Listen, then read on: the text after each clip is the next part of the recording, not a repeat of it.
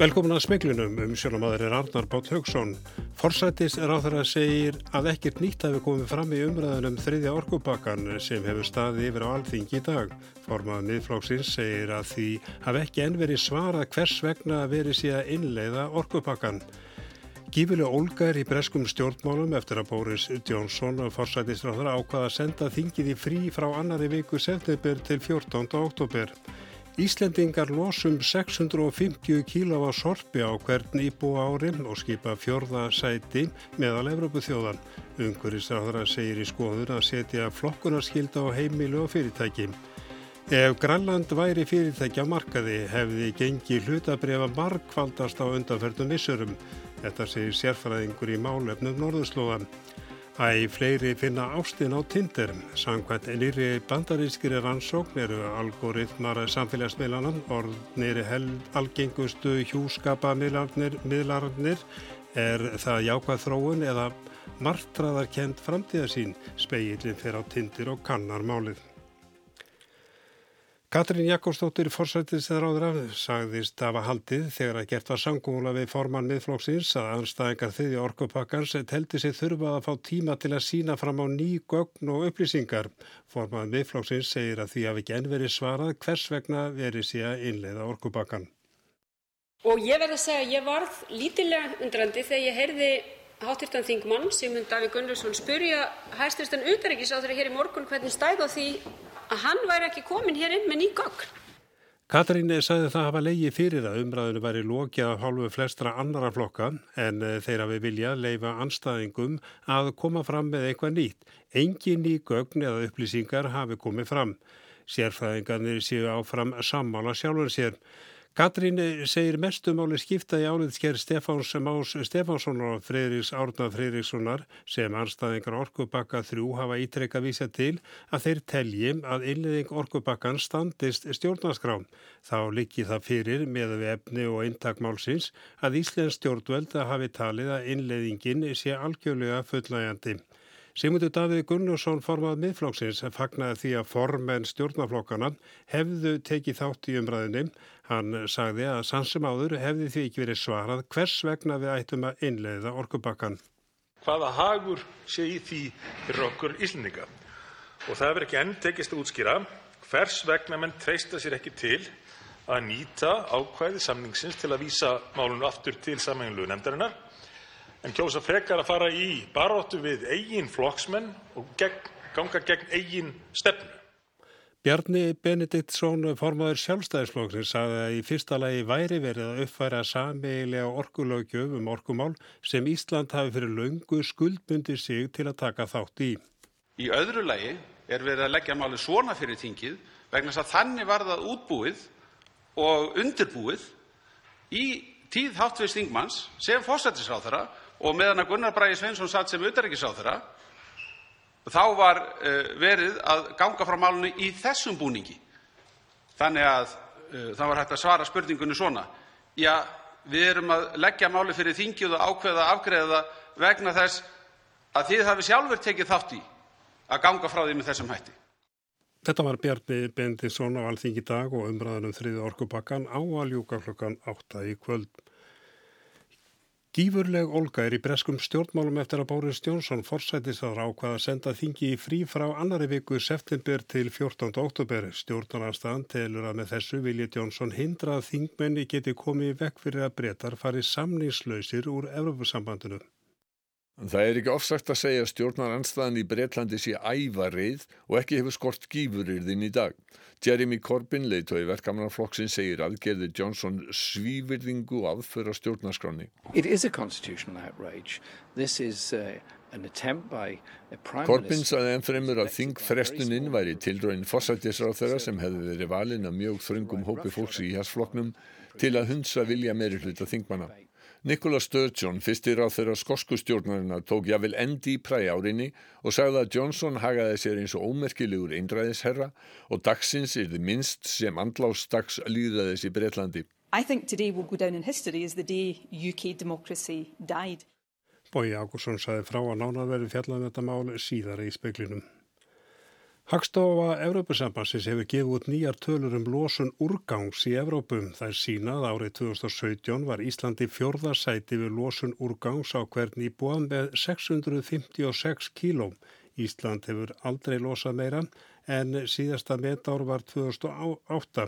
Unguris á þeirra hefur til skoðunum að setja flokkuna skild á heimili og fyrirtæki og grýpa til aðgera til að takmarka urðun eftir bestu getu. Og þar erum við núna að stíga mjög stór og mikilvæg skref með því að setja á svo kallaðan urðunaskatt. Það er að segja við erum að gera það dýrara að urða og við viljum síst í allir úrgámsstjórnum vera að urða vegna að það veldur mestir í mengun. Og með því gerum við í rauninni endur vinslu og endur nýtingu samkeppnishæfari. Sagði Guðmundur Ingi Guðbararsson. Fjöldi ferðamanna hefur lagt leið sín í reynisfjöru í dag. Einhverji þeirra hafa farið upp að skriðunir sem fjalli í síðustu vikum. Sumir ferðalangar hafa gengið lengra og klifi sjálfa skriðuna. Karlmaður og barn slösust í grjótrunni á þessum staði í síðustu vikum en enginn hefur meðist í dag. Reynisfjöru var lokað eftir hrun úr berginu austalegi fjörunni áfranótt mánundags í síðustu vikum. Laurugla var með vakt fyrstum sinn á eftir og hefur reyndað að gerða svæðið af. Í myndbandi sem dreitt var á síðunni baklandi ferðarþjónustunar á Facebook má sjá fjölda fólks í fjörunni. Í bakgrunni sérst fólk klifra í skriðunni sem fjall fyrir rúmlega viku. Hundruð fjörskildna er í vanda vegna úræðileisis vegna barna með ADHD greiningu, segir framkvæmtastjóri ADH, ADHD samtakana. Samtals er um þúsund á bygglistan eftir greiningu hjá landsbítala og þroska og hegðunarstöðunni. Fréttablaði sagði í dag frá móður sem tilkynnti fjölskyldu sína sjálf til barnavendar vegna þess að dóttur hennar vantaði frekari aðstóðinnan skólans og félagslega kervisins vegna ADHD. Sangant nýjistu tölum frá barnavendarnemdum tilkynna rúmlega 700 manns eigin fjölskyldur til yfirvalda ár hvert, en fyrir því eru ýmsar ástæður. Meðalbyðtími eftir greiningu og þjónustu hjá þroska og hegðunarstöðunni er alltaf 14 mánuðir sangant nýlegu svari heilbriðisráð þeirra á alþingi. Í byrjun júni voru 350 börn á byðlista en um 600 hjá greiningarteimi landsbytilans. Hrannar Björn Arnarsson, framkvæmdastjóri ADHD samtakana, segir góða þróun að fólk átti sig á því að það sé stuðning að fá hjá barnavendar yfirvöldum sem hafi þann stimpil á sér að vera neikvæð og fólk forðist að leita til. Það er besta mál að, að fólk leiti þanga líka ef, að, ef það upplifir sér ekki að finna stuðning annar staðar og uh, það var svo auðvelt að, að lesa þetta, tryggja mannum skjóta greiningu og, og í framaldi stuðning. Ég held að það væri einn besta forvörd sem að ja, ríki og sveitafélag getur farið í.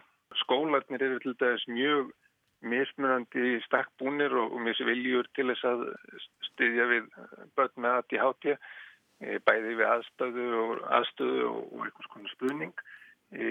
Gehið ofnbæra stiður ekki sálfræði þjónustu, greiðir hann ekki niður. Það myndi gera mjög mikið fyrir okkar skjólstæðinga segir hannar Björn Arnarsson, hólfriðu dagni Fríðansdóttir, talaði við hann. Ef Grænland væri fyrirtækja markaði ef þið gengi hlutafri að markvaldast á undanförnum vissurum, segir Damon Dusjós, franskur sérfræðingur í málefnu Norðurslóða. Dusjós flutti fyrirlestur um stöðu Grænlands í Norræna húsin í dag. Hann segir mikla breytingar nú á Grænlandi og enn meiri breytingar séu framöndan. Stekkun flugvallarnas í Núk sem á að ljúka 2023 er eftir að skipta miklu máli. Det vil ændre grønlændernes syn på verden í forhold til að de nú vil kunne rejse direkte. Du svo segir að sín grænlendinga á umheiminn breytist við að geta flóið beint til og frá núk en þurfa ekki að fara um Kastrup eða Keflavík. Hann segir einnig að búferðlaflutningar eigi eftir að hafa breytingar í förmið sér nú þegar búi 40% þjóðarinnar í núk spáð sí að meirinn helmingur búi þar eftir áratug. Þessu fylgi hugarfarsbreytingar höfuborgarbúa síu öðruvísi þingjandi en fólk á landsbyðinni og í minni bæjum. Dusjór segir einnig að sjálfstæðisumræðan liggi í láginni þegar að grænlendingar gengur til atkvæðum sjálfstjórnarlögin 2008 hafi flestir reknað með sjálfstæði eftir nokkur ár, nú sé allt breytt. Vonir um óli og gasvinnslu hafi ekki gengið eftir. Damien Dusjór segir aukin áhuga bandaríkjana á Grænlandi mjög skiljanlegan.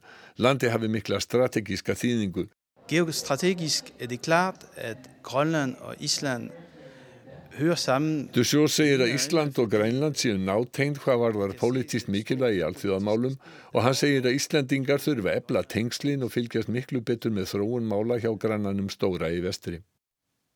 Bói Ákusson tók hann að pistil saman. Þjóðin ber auksinilega auk í brjósti vegna þriði orkupakkans. Og að koma hér upp og segja ítrekka það sem háttutu þingmaður kemur fram að, að þessir og leggja þessum fræðimennum það í munn að þeir telli þetta hafa ekkert gildi og ekkert vægi er algjörlega fáránlegt. Alla staðhengar um hið gagstaða eru rakið bull. Hinn 28. oktober 2015 þannig að þeir sammælist um að setja á lakirna vinnuhóp sem var falið að skoða möguleika þess að leggja sæstring millir Íslands og Bretlands. Við erum að ræða orkubakkan og orkan sem við höfum notað í að ræða orkubakkan er gigantísk. Herra fósiti, eftir að hafa hlýtt á ræðu hæstvirts ráðherra, skiljum betur taugaviklununa sem við skiljum hér í, í salnum hjá þingmannum háturstum samtryggingarflokksins. Ég vil hins vegar uh, spyrja þingmannina einni líkilspurningu. Uh, hver er hagnaður Íslendinga eða hagur af því að taka upp þriðja orkupakkan? Og þetta var brot úr umræðunum í dag á Alþingi og hinga til mér eru mættu Ólaf Ísleifsson miðflokki og Þorgir og Katrín Gunnarsdóttir viðreist. Ég spyr þig Ólafur, já, er þessi umræða skil ykkurju? Hún myndi kannski skila meiru ef hún væri reist á meiri þekkingu á málinu og þeim sjónamiðum og lögfræðilegu atriðum sem að í raun og veru liggja hér til grundvallar. En nú er hvert, hver ræður mann að fætur öðrum að reykja þessi þýður að segja? Það er nú bara fullkomið álutamál hvort þeir hafi rækið orða því sem við hefum sagt. Ég kannast ekki við það. Þorgir, eitthvað nýtt í þessar umræðu, er hún að skil ykkur í? Nei, það er ekkert nýtt í þessar umræðu og hún er kannski að skila því að, að og brín okkur sem erum tals með þess að, að tala fyrir hugsunum eins og frelsi, opnu markaði, samkeppni, alþjóðsamstarfi, jafnrétti, að við verðum vakandi þegar svona mál eins og orkupakkinni tekið og í rauninni setta fram staðleysu sem hafa verið hraktar hvað ofan í aðra, á öllum fundum nefnda sem ég hef verið og ég hef bæði verið í utarrikis og atvinnuvega nefnd að það hefur ekkert komið fram, ekkert nýtt fram síðan í, í vor og þá veldi maður fyrir sér af hverju var verið að þrýsta í gegn þessum þingstupa, af hverju var það mál ekki klárað? Já, ekkert nýtt í málun og hvers vegna þessu umræðu? Þorgerður verður að finna orðin sínum staðum það að það hefur verið eitthvað hrakið af því sem við höfum sagt hér, það fær ekki staðist, hún, getur, hún verður að nefna dæmu það og annar stað vil ég segja það að hún hefur ekkert engan engarétt á frelsi og alþjóðleiri samvinnu. Við hins vegar leggjum áherslu það að í, í öllum efnum að þá sé gætt íslenskra hagsmuna og það er það sem að sömur hér e, álita ekki vera forgansmál. Nú er þetta búið að vera 138 klukkutunda umræður. Er eitthvað nýtt að koma fram núna í tilum með þess að það er varðið tveimur dögum í að ræða máli? Það er alveg nýtt í málinu að uh, framkvæmdastjórn Europasamansins er búin að höfða samlingsbrotamál gegn Belgíu. Það er bara mjög þýðingar mikið mál. Annar mál sem er í gangi, það er erindi til Fraklands og sjö annara ríkja varðandi uh, uh, rávorskaframlegslu og skipan þeirra mála. Þetta eru mjög þýðingar mikið landri. Þorgerður þýðingar mikið andriði, já þetta er líka verið hrakið af stuðningsmönnum orkupakkans að þetta já, tengist í raun og verið ekki í þriðja orkupakkan. Já, það er alveg rétt. Það er búið að fylgja málinu öllu mikil ægi af halvu örbusambansins og það er uh, talandi þá sem eru uh, svona ansnúni markaðanum og, og frelsinu og þá er einmitt þeir ætti frekar að fagna því að örbusambandið er að brína aldaríki sín til þess að, að fylgja eftir þeim reglu sem að íta undir neytendavend og samkeppni og það er nákvæmlega það sem örbusambandið er að gera. Við Íslendingar höfum því blessunarlega miklu frekar styrt okkar stofnanir eins og orkustofnun uh, og hennar umhverju og það er þá neytend og það er þá umhverju sjónamæð til lengri, lengri tíma. En að mínum að þetta er ógnin sem að miðflokkurinn tilur stafa, hún er ekki út af uh, samstarfi fullvalda ríkja á alþjóðasviði, alls ekki. Ógnin sem er handað með hotnið og sem miðflokkurinn virðist ekki koma auðg á. Er mínum, hún er að mínum að þjóðornispopulísk og hún er lískum og fyrir því þurfum við að berjast og verðum að gera. Ólaug, já, við berðum því við þessu að þetta séu hérna, já, hvað, hvernig orðaði hún, hún Þorgjörður í ræðun áðan að umræðan sé skona við, viðvörun um mitt við vaksandi populismu? Sko þeir sem að uh, skella því orði fram, þeir verður auðvitað að skýra við hvað þeir eiga með því orði og uh, þeir kannski geta fundið Íslands orði við þetta. En eru þið kannski að grafa undir alþjóðlegu samstarfi eða ja, ógna ja, tilvöru ES samningsins með ykkar málflöndum? Ekki á nokkur minnsta hátt. Við viljum fara að ákvæðum EES samningsins sjálfs eins og lögfræðingarnir eh, Friðrik Átni Friðriksson og Stefán Már Stefánsson leggja til. Það er þeirra aðal til að það verði farið eftir ákvæðum eh, samningsins sjálfs um það að taka málið aftur upp í samveilunendunni og uh, hinn tilagan sem er lagari sem er reyfið þeirra áliti er svo sem að ríkistjónin ákvaða að fara. Við erum andið þeirri tilögu.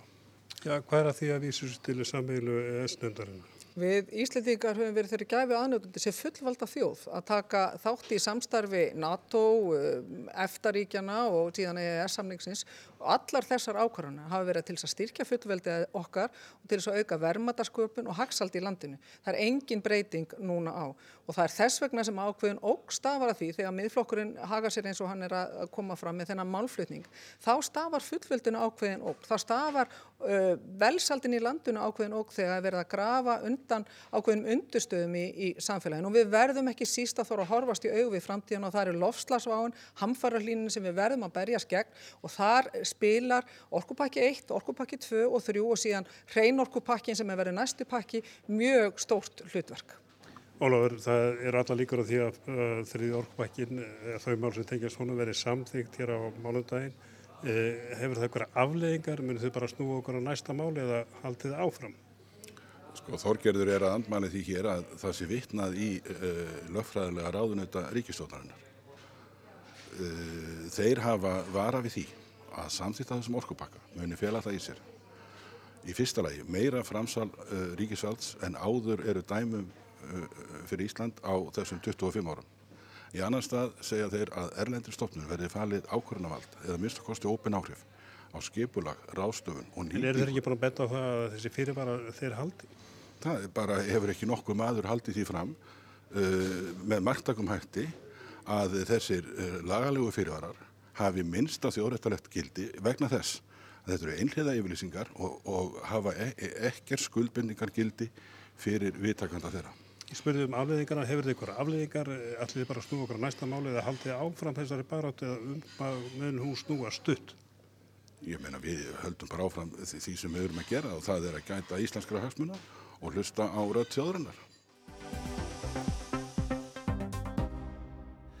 Fólk er löngum treyst á að kynast lífsförunötnum í gegnum vini og kunningja fjölskyldu sína eða vinnustad en það er að breytast. Sangvað nýri bandarískri rannsókn finna flestir maka sín á samfélagsmiðlum og snjallækjum þar sem algoritmar gegna hlutverki hjúskapar miðlara. Eða það er svona korpasett, einar. Yes!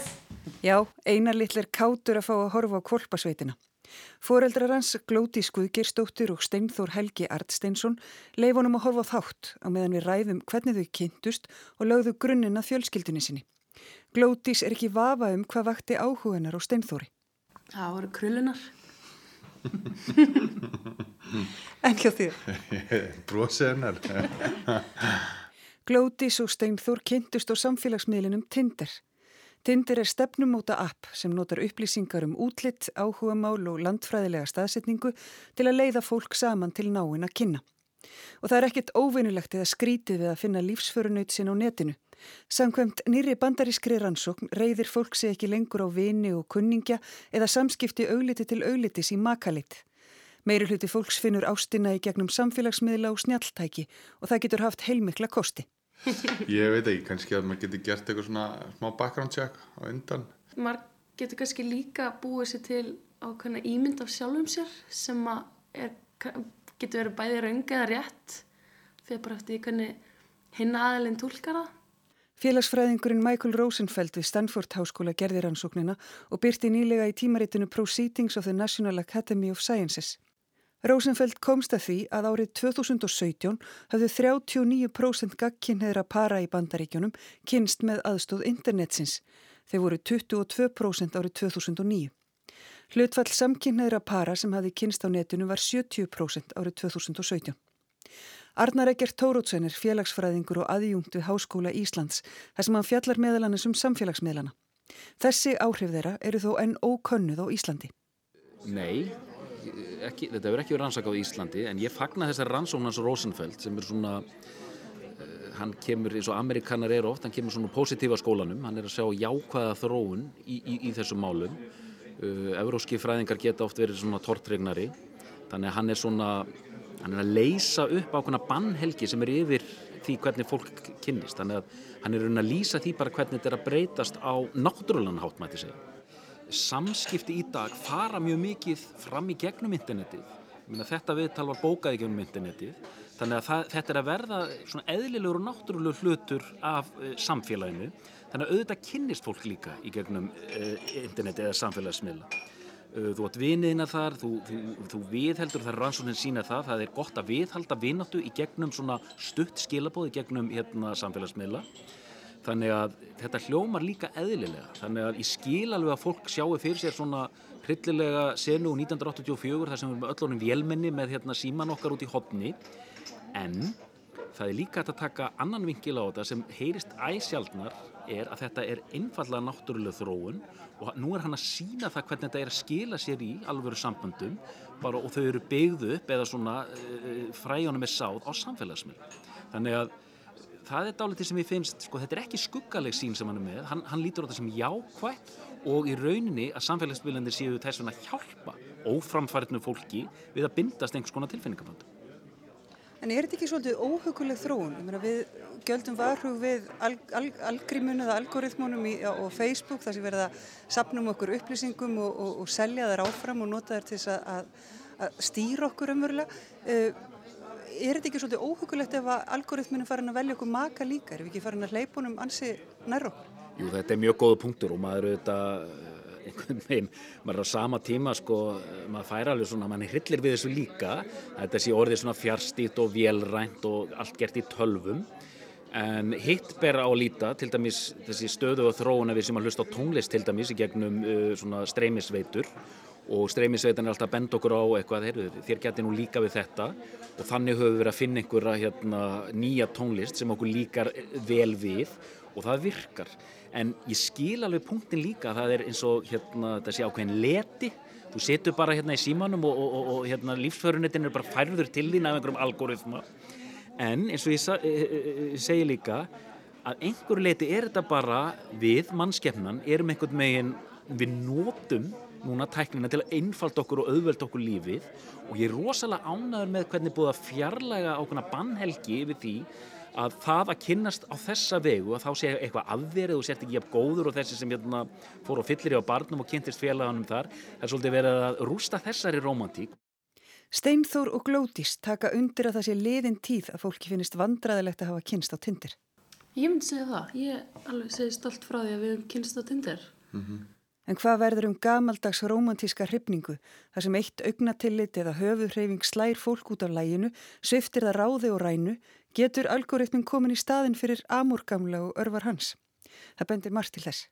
Sko, maður getur einhvern veginn náða þegar sjálf sig einhvern veginn meira og, uh, og það býr heldur bara til eitthvað svona spennu og þegar það loksins einhvern veginn hittast og þetta einhvern veginn verður og þá einhvern veginn, ég veit ekki, sé einhvern veginn meira, meira á bakveða eða, eða svona búið til einhverja skrikni tilfinningu hjá viðkomandi. Sko. Það var Sigriður Hagalín Björnstóttir sem tók þennan pistil saman. Hún talaði við Glótísi Guðgeistóttur, Steinþór Helga Arsteinsson og Arnar Eggert Torótsen. Og þáttu Breitlands það hljómaði frekar sagleisislega þegar Boris Johnson forsættist að það að breyta tilkynnt í morgun að þinglið fyrir stefnuræðu stjórnarinnar 14. oktober er þið lengt. Aðrir sjá þetta í öðru ljósi og stóriði eins og einræðis tilburðir og lokadagur líðræðis í Breitlandi fljúa um í fjölmjölum. Allt snýst þetta um Brexit, stjórnarnarstæðingar segja þetta viðlindin til að hindra að þingi stöðvi samningslösa útgöngur Európusambandunum sem stjórnin stefni að. Heyrum fyrst hvernig fórsættist ára breyta kynnti ákvörðu sína í vitali í Breska ríkisútvarpinu. We need new legislation. We've got to be uh, bringing forward new and important bills, and that's why we are going to have a Queen's speech, and we're going to do it on October the 14th. Sigrun Davíðsdóttir, þú hefur verið að fylgjast með framvindun í dag. Hvað fælst í tilkynningu forsættistráðara? Boris Johnson segir að nú sé komið ný stjórn með mikinn metnað um margvíslegar umbætur og aukin útgjöld í likilmál eins og heilbriðismál. Stefnuræða stjórnarinnar sem drottningin flytur við þingsetningu yrði því haldinn 14. oktober en ekki setni vetur eins og venjulega. Þarna er fórsætsráðura að lengja hlið á undan stefnuröðinni. Fórsætsráðura segir þetta alveg óviðkomandi brexit, það verið nógur tími til að ræða það mál. En styrnismenn stjórnarinnar segja að þetta heldur ekkir til að gera veður út af. Af hverju tekur stjórnaranstán að reynda líka nokkru þingmenn í hans flokksins þetta svona óstindu? Þinglje í samhengi við áætlaða útgöngu úr Evrópusambandinu ekki síðar en 31. oktober er allt annað mál en þinglje þegar ekkert sérstaklega stendur til. Það hefur lengi leið í loftinu að Johnson myndi reyna að koma þinginu frá til að hindra það sem stjórnarandstaðan hefur líka lengi hótað að þingið stöðvi samningslösa útgöngu sem margir þingmenn álíta uh, takmart Johnsons og nú verður hann tekið til sinna ráða. Uh, Stjórnarþingmenn eru líka flestir ánæðir með framtak uh, fórsættistáðara en það vantar ekki stóriðin úr öðrum áttum um hvað þarna sé gerræðislega staði að verki. Einmitt, það er svo oft búið að segja undan farin misseri að nú sé komin upp einhver alveg ný og fordæmalös staða og já, þessi staða er sannarlega alveg ný og alveg fordæmalös. Margir telja kaltæðni að Johnson og aðrir ráþeirar segja útgöngu meðal annars eh, til að ebla hag þingsins, nú múlbindi fórsætsráðra þingið.